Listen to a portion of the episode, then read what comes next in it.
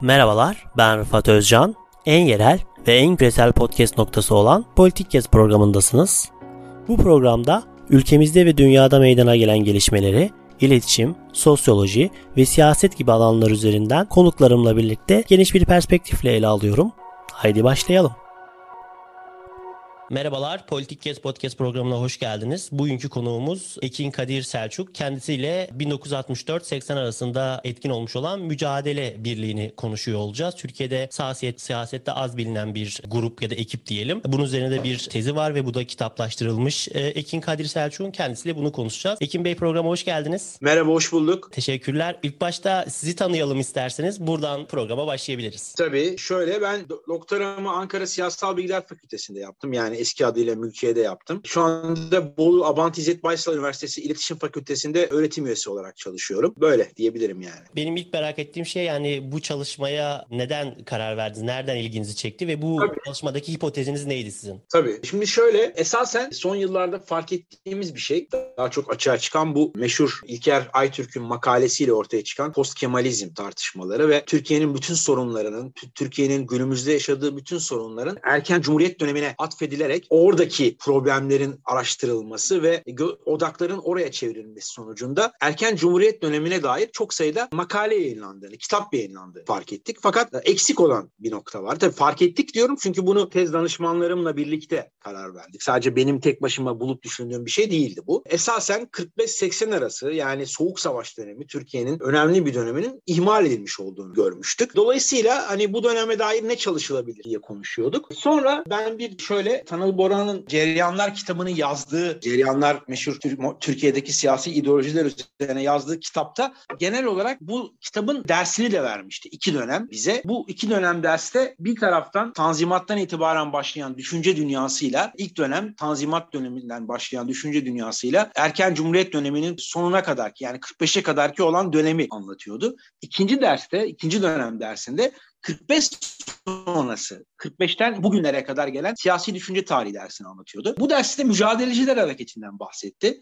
Aslında ben doğruyu söylemek gerekirse mücadeleciler hareketini çok bilen birisi değil. Fakat hocanın derste anlattıkları ilgimi çekti. Yani anlattığı konular, bahsettiği noktalar, vurguladığı noktalar dikkatimi çekti ve bunun üzerine böyle bir çalışma yürütülebilir mi diye düşündüm açıkçası. Sonra Tanıl Hoca beni baş İlker Aytürk'le tanıştırdı. Bilkent Üniversitesi Siyaset Bilim Bölümünde öğretim üyesi. İlker Hoca ile buluştuk. O da bu hareketin çok önemli olduğunu, hatta zaman zaman çalışmayı düşündüğünü ama bir türlü vakit ayıramadığını söyledi ve e, çok iyi olabileceğini söyledi. Ben de aynı zamanda tabii bu tezin bu tezi yazarken özellikle yaşayan insanlarla, günümüzde yaşayan insanlarla görüşmeler yapılabileceğini düşünerek ve e, daha önce görüşme tekniğine dair bazı çalışmalarım da olduğu için bir şeyler kotarabileceğimi düşündüm açıkçası ve e, bunun üzerine yola çıktım. Yani hem bunun teorik nedenleri vardı. Yani teorik nedenler dediğim gibi daha çok 45-80 arasının çalışılmaması. Pratik nedenler de daha ziyade nasıl diyelim yani dersteki koşullar, dersteki muhabbet bizi oraya götürdü diyelim ve oraya o noktaya geldik. Burayı çalışmak durumunda kaldık.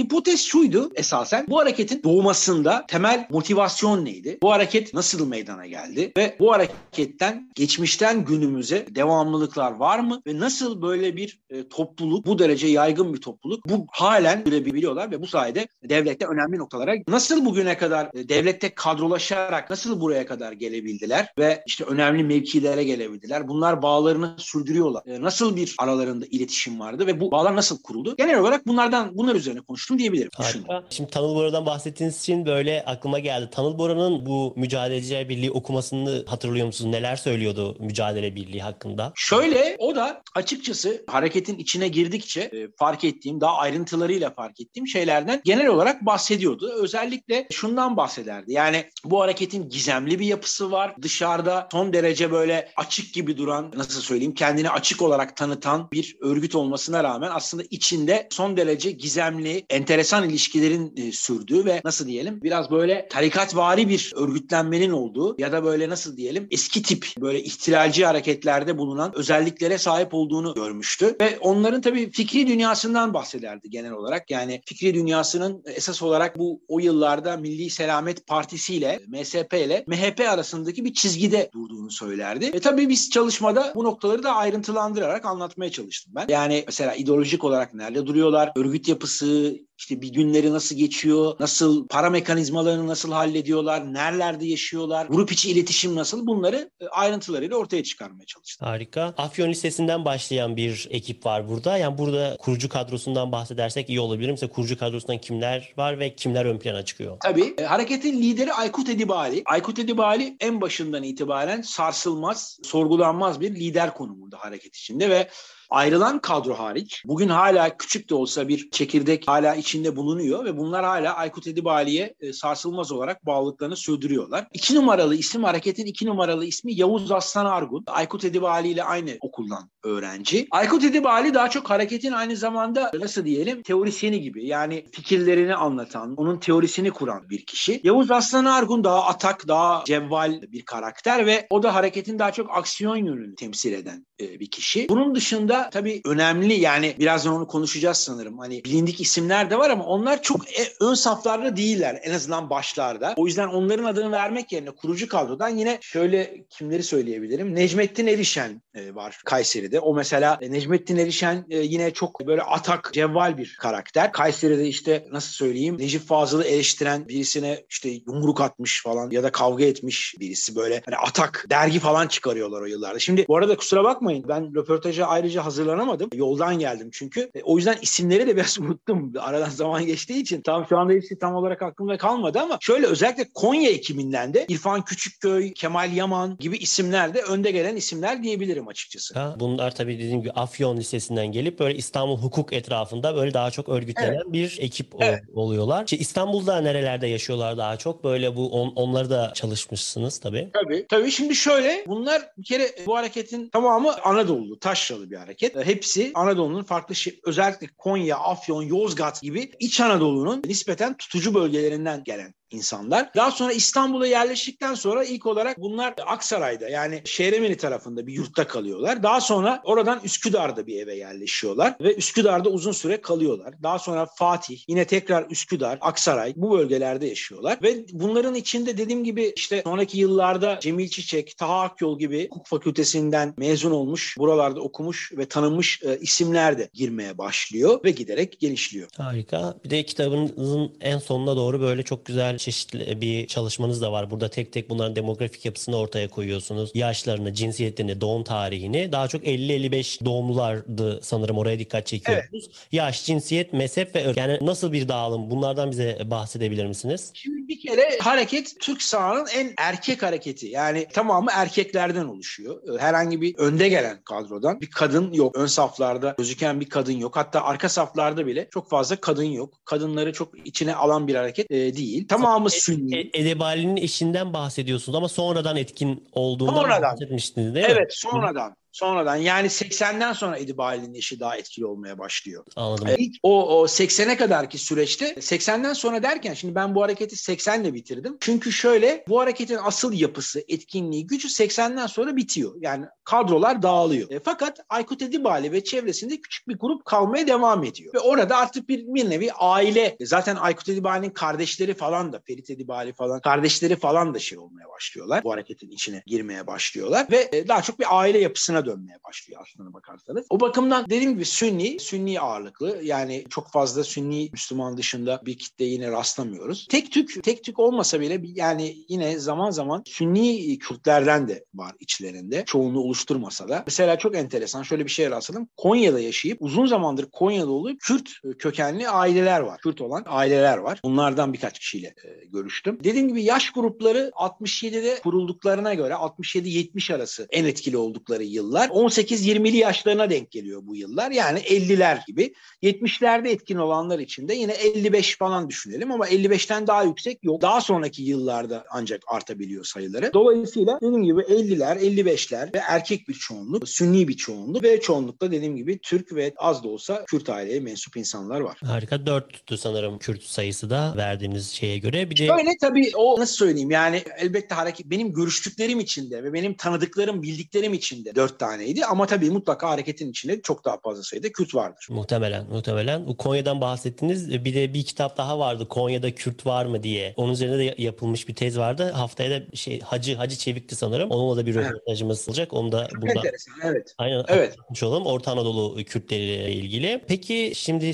birazcık Tanıl Bora'dan da bahsederken daha çok bu isimlerin zihin dünyalarını, düşünce dünyalarını da ne anlatıyor diye söylemiştiniz. Siz bu çalışmada e, bu isimleri çalışırken, çalışırken kitaplara bakınca, işte makalelere bakınca, dergilere bakınca nasıl bir zihin dünyaları var ve nasıl bir Türkiye hayalleri vardı? Sizin okumanız nasıl? Evet. Şimdi şöyle bu insanlar bir kere son derece yoğun olarak nasıl diyeyim yani böyle bir tutkulu, hevesli ve bir şeyler yapmak arzusunda olan insanlar. Çabuk çok derinlikli bir dünyaları olduğunu söyleyemem. Yani gördüğüm kadarıyla tabii mutlaka içlerinde öyle olanlar vardır. Böyle bir genelleme yaparken dikkatli olmak lazım ama yani tabii yaşları itibariyle de yani henüz 18, 19, 20 yaşlarındalar. Çok fazla bir şey okumuş değiller. İşte kendilerine Aykut Edibali'nin getirdiği şeyleri okuyorlar ve bunlar tabii bir kere şöyle mücadeleciler Türkiye'deki en antisemitist örgütlerden birisi. Yayınlarında özellikle özellikle ilk yılındaki yayınlarında çok fazla antisemitist öğeler var. Bunlar bütün dünyayı Yahudilerin yönettiğini, her şeyde bir Yahudi parmağı olduğunu ve aslında varlık sebepleri olan antikomünizmin bile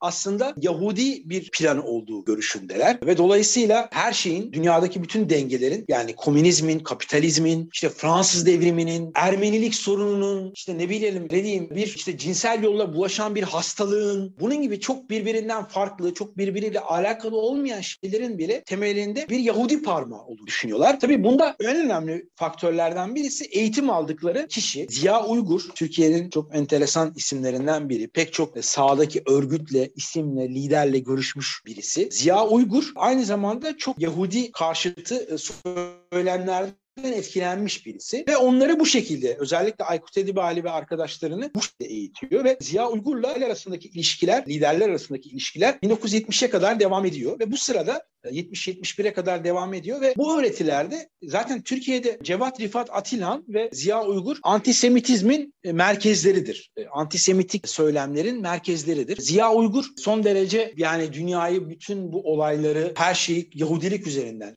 yorumlayan birisi. Mücadeleciler de bunun aynı şeyini alıyorlar. Tabii güçlü bir antikomünizm var her şeyden önce. Zaten dönemin sağ hareketleri o yıllarda antikomünizmle son derece güçlü bir şekilde bağlılar ve bu antikomünizm onların artık temel noktaları ve hatta şey falan diyorlar. Yani daha sonraki yıllarda yani hareket dağıldıktan sonra biz Edibali dahil olmak üzere gazetelere vesairelere yaptıkları açıklamalarda biz Yahudiliği, komünizmi çok anlattık. Kendi düşüncelerimizi anlatamadık şeklinde böyle bir öz eleştiride de bulunuyorlar. Ama tabii zaten antisemitizm ve antikomünizm onların çıkış sebebi olduğu için burada bir çelişki olmadığını anlatmak lazım belki ama tabii bunu kabul etmeyeceklerdir diye düşünüyorum. Antisemitik öğeler, antikomünist öğeler çok yoğun. E, tabii çok muhafazakarlar. Yani çok yoğun bir muhafazakarlık ve ataerkillik var diyebilirim. Yani şimdi şöyle açıktan bir İslami söyleme sahip değiller. Açıktan siyasal İslamcı değiller. Fakat yani söylemlerinde o şeyi alabiliyorsunuz aslında. Ve gerçi daha sonra özellikle 70'lerden sonra 70 72 73'ten sonra daha çok Türklük vurgusu artmaya başlıyor ama hareketin kadrosu buna çok ısınamıyor aslında. Yani dediğim gibi yazıların çoğunu, teorik yazıların çoğunu Aykut Edibali yazdığı için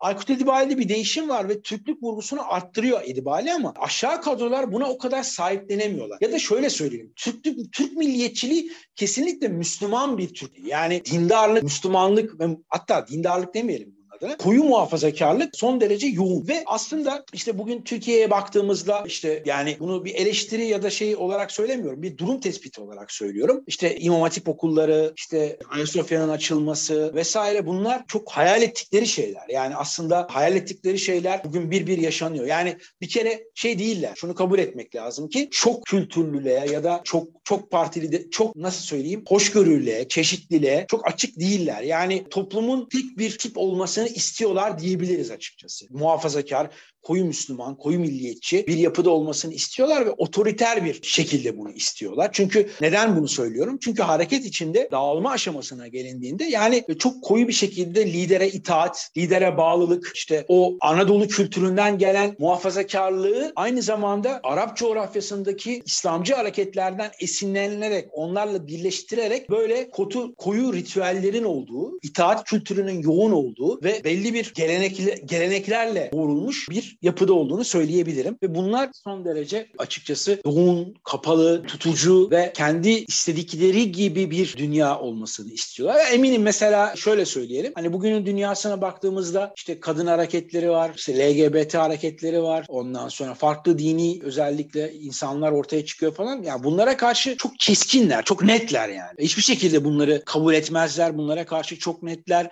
İşte feminizmi işte örneğin ahlaksızlık olarak düşünüyorlar ondan sonra. Tabii hani o dönemin zihniyet dünyasını da hesaba katmak lazım ama ben onlarla hala bir şekilde sosyal medya üzerinden görüşüyorum ya bugün de mesela şöyle söyleyelim. Şu iki karar halen mücadeleci olan ya da eski mücadeleci olan insanları inanılmaz mutlu ediyor. Ben sosyal medyada yorumlarından takip ediyorum. İki olay bir Ayasofya'nın ibadete açılması, ikincisi de İstanbul Sözleşmesi'nden çıkılması e, bu insanları inanılmaz mutlu, inanılmaz mutlu etti. O yüzden bu konularda çok keskin, net tutumlara sahipler diyebilirim. Peki o 64-80 arasındaki bu kadrolarda yer alıp da bugün adını bildiğimiz kimler var? Cemil Çiçek ve Taha Akyol'dan bahsettiniz. Bunun Evet, Cemil- mesela ön plana çıkan hangi isimler var? Evet, Cemil Çiçek, Taha Akyol, Hüseyin Gülerce e, ondan sonra daha sonradan giren yani hareketin çekirdek kadrosunda olmayan ama daha sonra giren Mustafa Erdoğan, Atilla Yayla liberal düşünce topluluğundan. Bunun dışında Ahmet Taş getiren vardı sanırım. Ahmet Taş getiren aynen Ahmet Taş getiren var. Başka kimleri söyleyebiliriz? Taha Akyol dedik. Yani şu an hatırlayabildiklerim bu şey çok enteresan. HDP'den Ayhan Bilge'nin de e, bir şekilde bağlantı olduğunu. Onu özellikle soracaktım size. Ayhan Bilgen yani 70'lerde o kesinlikle etkin mi yani? O bir yazısı ya- şey- var mı? Değil, değil, değil, değil, değil. Daha sonra oluyor sanırım. Ben 80 gazetede yazısına rastlamadım. ediyor bu? 80 sonrasına mı tekabül ediyor? Galiba 80 sonrasına tekabül ediyor. Çünkü ben 70'lerde rastlamadım. O yüzden sanırım kitapta da vermedim zaten Ayhan Bilge'nin ismini. Özellikle onun Evet. adını aradım. Çünkü e, is- mücadelecilerden bahsedilirken onun da ismi anılıyor ama Evet. ar- Altantan'ın adı vardı ama kendisinin adı yoktu mesela. Onu aradım. Evet. Böyle. Ona ona rastlamadım ben. Yani şimdi e, bu hareket şey yılları 70-80 arasında Yeniden Milli Mücadele dergisini çıkarıyor. E, Burada zaten genelde yazılar imzasız olarak yayınlanıyor. Bayrak gazetesi var. Bayrak gazetesinde mesela Atilla ya Melik Gökçek bu arada aa söylemedik pardon Melik Gökçek var bu hareketin içinden ve röportajları falan yayınlanıyor Bayrak gazetesinde. Atilla Yayla'nın yazıları yayınlanıyor ama Ayhan Bilge'nin bir yazısına rastlamadım 80'e kadar. 80 sonrasını bilmiyorum açıkçası. Reşat Zaten Petek ismi de önemli. Onu da anmak lazım. kim? Reşat Petek. E, Reşat Petek aynen onu söyleyecektim. Evet doğru. Ya. Milletvekili. Onlar bu is evet bu yani isimler çok önemli. Yani isimlere baktığımızda yani Mustafa Erdoğan dediğiniz gibi Atilla ile Altan Tan, Reşat Petek, Evet. Melik Gökçek e, bunlar çok önemli isimler. Taha Akyol, Ahmet Taş getiren. Bir de yanlış hatırlamıyorsam 85'te Melik Gökçek belediye başkanı seçilirken ilk Keçiören'de başkan yardımcısı da Altan Tan. Yani öyle de bir şeyde dipnot da vermiş olayım. Evet enteresan. Evet. Ve orada yaptıkları kavgadan ya da bir ayrışmadan dolayı hala da birbirleriyle konuşmadıkları da söyleniyor. Ben şeyden eminim ama mesela bunlar belediye başkanı adayı falan olduğunda birbirlerini desteklemişlerdir yani. Bundan eminim. Değil mi? Hani farklı hareketlerde olsalar bile, farklı yerlerde olsalar bile birbirlerini desteklemişlerdir. Evet yani öyle bir durum da var. O da çok ilginç. Yani bir de şey atıyorum açıktan birbirlerini eleştirme ama dediğin gibi destekleme durumları da Var. seziliyor. Yani bugün oldukları pozisyonlara bakılınca yani geçmişten. Zaten zaten Türkiye siyasetini bence anlamak için böyle çok dışarıdan ideolojilere, dışarıda kullanılan söylemlere bakmak yerine bu bağlara, ilişkilere, ailesel, cemaatsel ya da işte örgütsel kökten gelen bağlılıklara, sadakat ilişkileriyle ve Türkiye siyasetindeki olaylar bence daha iyi yorumlanabilir. Dışarıdaki ideolojik farklılıklar, söylemler o kadar etkili olmuyor. Çünkü ben bir dönem mesela bir milletvekilinin kısa, çok kısa bir dönem danışmanlığını yapmıştım. O dönemde şeyi hatırlıyorum. Bu iki milletvekili farklı partiler ve farklı ideolojik kimliklerdendi ama ikisi de aynı kentliydi. Hemşerilerdi ve birbirlerine destek biri başka bir şehirden adaydı, biri başka bir şehirden adaydı. Birbirleriyle telefonda görüşüp birbirlerini desteklemelerini konu destek birbirlerine destek atıyorlardı, konuşuyorlardı. Yani bu tür bağlar Türk siyasetini anlamak için bence çok daha etkili aslında. Harika. Bu tür örgütsel, cemaatsel, yöresel bağlılıklar. Kesinlikle. Peki bir de şeyi soracağım. Ayhan Bil yani bir sürü isimle konuştuğunuz, konuştunuz. Ayhan Bilgen'le konuşma şansınız oldu mu? Bu soruyu Yok olmadı. olmadı. Ay- Ayhan Bilgen'le konuşmadım. Hiç rastlamadım çünkü ona. Bir de şimdi şöyle ben hareketi kökenden anlamak istiyordum. Daha temelden anlamak istiyordum. Ayhan Bilgen çok sonraları girmiş e, bir isim. Genç zaten Ayhan Bilgen. Yani o yüzden o, o bana çok başka bir resim çizecekti diye düşündüm. O yüzden çok üzerine gitmedim. Bir de özellikle 80'den sonra falan girdiyse hiç gerek olmayacaktı yani. Çünkü ben belli bir hani bir tezde genelde sınırlamak gerekir konuyu. O yüzden 80 ile sınırladığım için oraya girmedim açıkçası. Altantan'da çok aklıma gelmedi diyebilirim yani. Altantan'la görüşmedim mesela. Anladım, anladım. Peki bu hareket nasıl dağılıyor ya neden dağılıyor? Bunu ya böyle o çekirdek kadro kalıyor dediğiniz gibi ama ondan sonra evet. dağılma süreci nasıl yaşanıyor? Aslında orada bir, belki yanlış bir ifade kullanmış olabilirim. Çekirdek kadro da dağılıyor. Hmm. Çekirdek kadro şöyle çekirdek kadro da ilk giren ekip de dağılıyor. Onlar da dağılıyor. Çekirdek kadro derken şunu demek istedim. Edibali çevresinde küçük bir çevre kalıyor. Çekirdek kadrodan kastım küçük bir çevre kalıyor sadece. Çekirdek kadro da dağılıyor. Yavuz Aslan Argun, İrfan Küçükköy, Kemal Yaman bunların hepsi Necmettin Erişen bunların hepsi hareketten atılıyorlar ya da kendileri isteyerek ayrılıyor 80'lere doğru. 80'lere gelirken 70'lerin sonlarında. Bunlar neden dağılıyor dersek ya tabii çok fazla iddia var, çok fazla yorum var. Ben tabii burada kendi yorumlarımdan ziyade söyleyenlerin yorumlarını ön plana çıkarmaya çalıştım. Ve işte yani 70'lerde 70'lerin başında Aykut Edibali'nin devlet tarafından uyarıldığı, bu hareketi dağıtması yönünde bir tutum sergilemesinin istendiği ve Edibali'nin 70'lerde e, bu yönde davrandığı, daha bu çünkü 60'ların sonlarında çok hareketli mücadele bildi. Yani çok etkin. 70'lerde ise böyle değil. Bir dergi çıkarıyor. 10 senelik bir dergi çıkarıyor. Bunu çıkarması nasıl mümkün oldu? Tabii bu bir yani 10 yıl boyunca bir dergi çıkarabilmek ve koşullarda ve tabii bir öğrenci hareketi olarak bunu çıkarabilmek, öğrenci hareketi olarak doğan bir harekette. Bir de tabii şu var yani Edip Ali'nin 70'lerde hareketi her türlü yani burada Edip Ali kendisini şöyle meşrulaştırıyor. Diyor ki hani Türkiye kanlı bir döneme girdi, terör ortaya çıktı. Sağ ve sol birbirini vurmaya başladı. Ben o yüzden e, çekildim. Yani çekildim derken yani kimsenin kanını dökmedim diyor ama hareket 60'ların sonunda böyle değil. Çok aktif. Kavgalara, silahlı, dinamitli kavgalara da karışıyor yani. Ama 70'lerde bir şey oluyor ve hareket bu işlere girmiyor açıkçası çok fazla ve böyle bir tutum oluyor ve bu durum karşısında tabii insanlar da soruyorlar. Yani nedir bu? Niye bu kadar biz yavaşladık? Hiçbir şey yapılmıyor, bir faaliyet yok. Bir de tabii bu insanlar 70'lerde artık öğrencilikleri bitiyor. Yani ya çalışacaklar ya bir şeyler yapacaklar. Bunlar tabii o yıllarda hızla önemli noktalara gelebileceklerini düşünürken böyle olmadığıyla da karşılaşıyorlar. Aslında çünkü bu tür hareketlerde çok şöyle bir şey var. Kendilerini çok güçlü, sağlam, başarılı görürler ama hani dışarıda aslında e, belki de esameleri okunmayabilir. Ama bunu fark etmezler. İşte 70'ler bunu fark ettikleri bir e, dönem haline geliyor. Çünkü neden bunu fark ediyorlar? Çünkü artık ne bunlar doğrudan siyasetin içindeler, bir parti kurabilmiş değiller, ne işte sokakta fiili kavgalara karışmış değiller. Bir, bir dergi çıkarıyorlar. Dergi çevresinde yazıp çiziyorlar. Arada işte çünkü 70'lerde falan yani artık o kentte bir kentte bulunan mücadele birliği örgütünün yaptığı doğru bir şey yok. Bunlar işte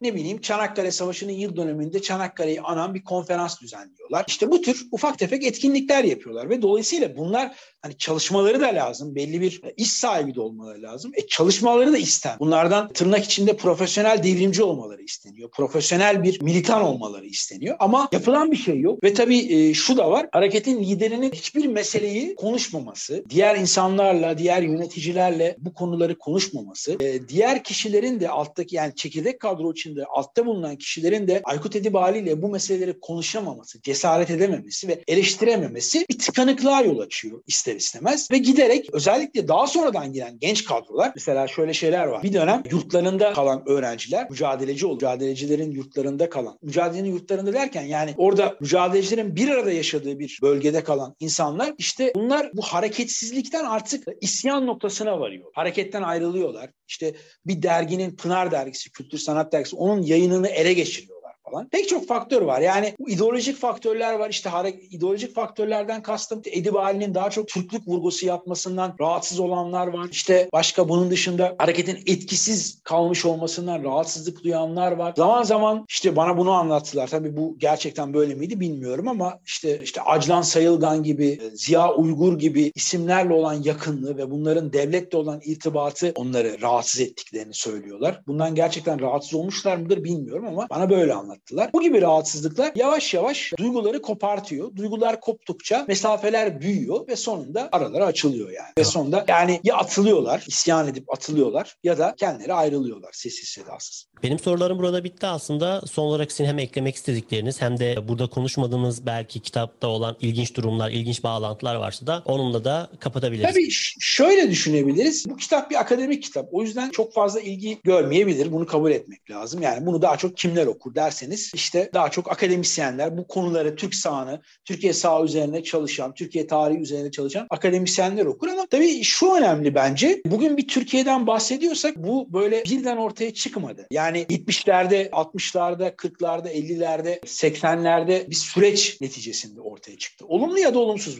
İçinde bulunduğumuz Türkiye yani nasıl değerlendiriyorsun? Olumlu görüyorsanız olumlu anlamda, olumsuz görüyorsanız olumsuz anlamda. Bugün yaşadığımız Türkiye birden ortaya çıkmadı. Bunun bir tarihsel kökeni var, sosyolojik kökeni var. İşte bunları anlamak için Mücadeleciler kitabı pencere sunuyor ve bence yani hani burada belki çok mütevazi davranmamak lazım. Bir örgütün içine bu kadar yakın giren e, çok fazla çalışma yok. Çok içine girerek yapılmış bir çalışma. O yüzden ben biraz daha fazla ilgi hak ettiğini düşünüyorum aslına bakarsanız. Yani en azından günlük siyasetle ilgili programlar yapılırken, konuşulurken buralara da dokunulabilir, buralara da bakılabilir gibi geliyor ama ben şahsi olarak da çok fazla böyle nasıl söyleyeyim reklam falan yapmadığım için, çok fazla duyurmadığım için işte kitap çıktığında bir kere duyurdum. İletişim yayınları bir kere kitap çıktıktan sonra tanıtımını yaptım. Ondan sonra çok fazla duyurmadığım için çok fazla şey olmadı. Çok fazla yayılmadı ve çok fazla konuşulmadı. Bu benim yaptığım ikinci röportaj. Bir tanesi gazete duvardan bir röportaj yapmıştım. Ve şöyle enteresan bir şey var bu arada. Mücadeleciler de kendilerini anlatan ve kendileriyle ilgili ilk defa objektif bir çalışma ile ilgili çok merak edip okumamışlar. Ve ben gazete duvarda röportajımı okuduktan sonra bana tepki gösterdiler. Nasıl bunları söylersin diye. Hatta beni dava açmakla falan tehdit ettiler. Dava açarız işte hakkında falan gibisinden. Ama çok enteresan bu röportaj kitap yayınlandıktan iki sene sonra yap. Yani iki sene boyunca bu insanlar kitabı okumuş ve bunun üzerine sağlıklı bir değerlendirme yapmamışlar. Bu çok enteresan. Kendileriyle ilgili bir kitabı okumamışlar ki bu hareket kendisini Türkiye sahanın en nitelikli, en okumuş kesimi olarak adlandırıyor. Hatta işte zaman zaman haberler çıkmışlardı. Sokakta ülkücüler, koridorda mücadeleciler, üniversite koridorlarında. Yani mücadelecilerin böyle bir derinlikli altyapıya sahip olduğu, entelektüel altyapıya sahip olduğunu iddia eden haberler, yazılar kendileri de böyle anlatıyor. Ama bunlar kendileriyle ilgili bir kitabı bile okumamışlar mesela. Çünkü açık söylemek gerekirse çok okumak yerine çok yazmayı tercih ediyorlar ve mesela çok sürekli böyle sosyal medyada olayları, insanları, durumları anlatan, savunan şeyler yazıyorlar ama aynı derecede okuduklarını zannetmiyorum kendileriyle ilgili bir kitabı okumamış olmaları da hakikaten enteresan geliyor bana. Hocam çok teşekkür ederim. Yani ben teşekkür ederim. Bence de ilgiyi hak eden bir kitap. Yani bu biraz daha belki dediğiniz gibi PR'ının yapılması gereken de bir kitap. Çünkü şey evet. ilk duyan insanlar yani isimleri duyduklarında direkt yani ilgilerini çekeceklerdir. Yani bu kadar farklı ismin bir arada olması. Ondan dolayı ilgi çekebileceğine ben de inanıyorum. Bu programda belki daha da fazla konuşulmasına vesile de olur belli bir yere kadar ve burada sesli bir şekilde bir arşivin de olması gelecekte de her zaman sizin de kullanabileceğiniz, benim de paylaşabileceğim, isteyenin de paylaşabileceği bir format da sunuyor. Ben tekrardan verdiğiniz bilgiler için çok çok teşekkür ediyorum. Çok güzel bir program oldu. Ben teşekkür ederim. Sağ olun böyle çok... fırsat verdiğiniz için. Yani çok verimli olmay- olmayabilir dediğim gibi çok kafaca hazır değildim. Hazırlanmaya vaktim olmadı. Bayağı da zaman geçti kitabı yazalı. Şimdi artık başka şeyler çalışıyorum. Başka yani yine Türkiye sağ ve Türkiye tarihi çalışıyorum ama mücadelecilerden biraz uzaklaştım. O yüzden isimler, olaylar biraz hafızamdan çıkmış. Ben de bunu fark ettim. O yüzden kusura bakmayın. Yok estağfurullah. Çok teşekkür ediyorum. Politik Kes Podcast programını dinlediniz. Biz dinlediğiniz için teşekkürler. Bir sonraki programda görüşmek üzere. En yerel ve en küresel podcast programı Politik Kes'te dinlediniz. Bizi Spotify, Apple, Google Podcast üzerinden ve sosyal medya hesaplarımızdan takip etmeyi unutmayın. Yeni başlıklar ve konuklar için kulağınız bizde olsun.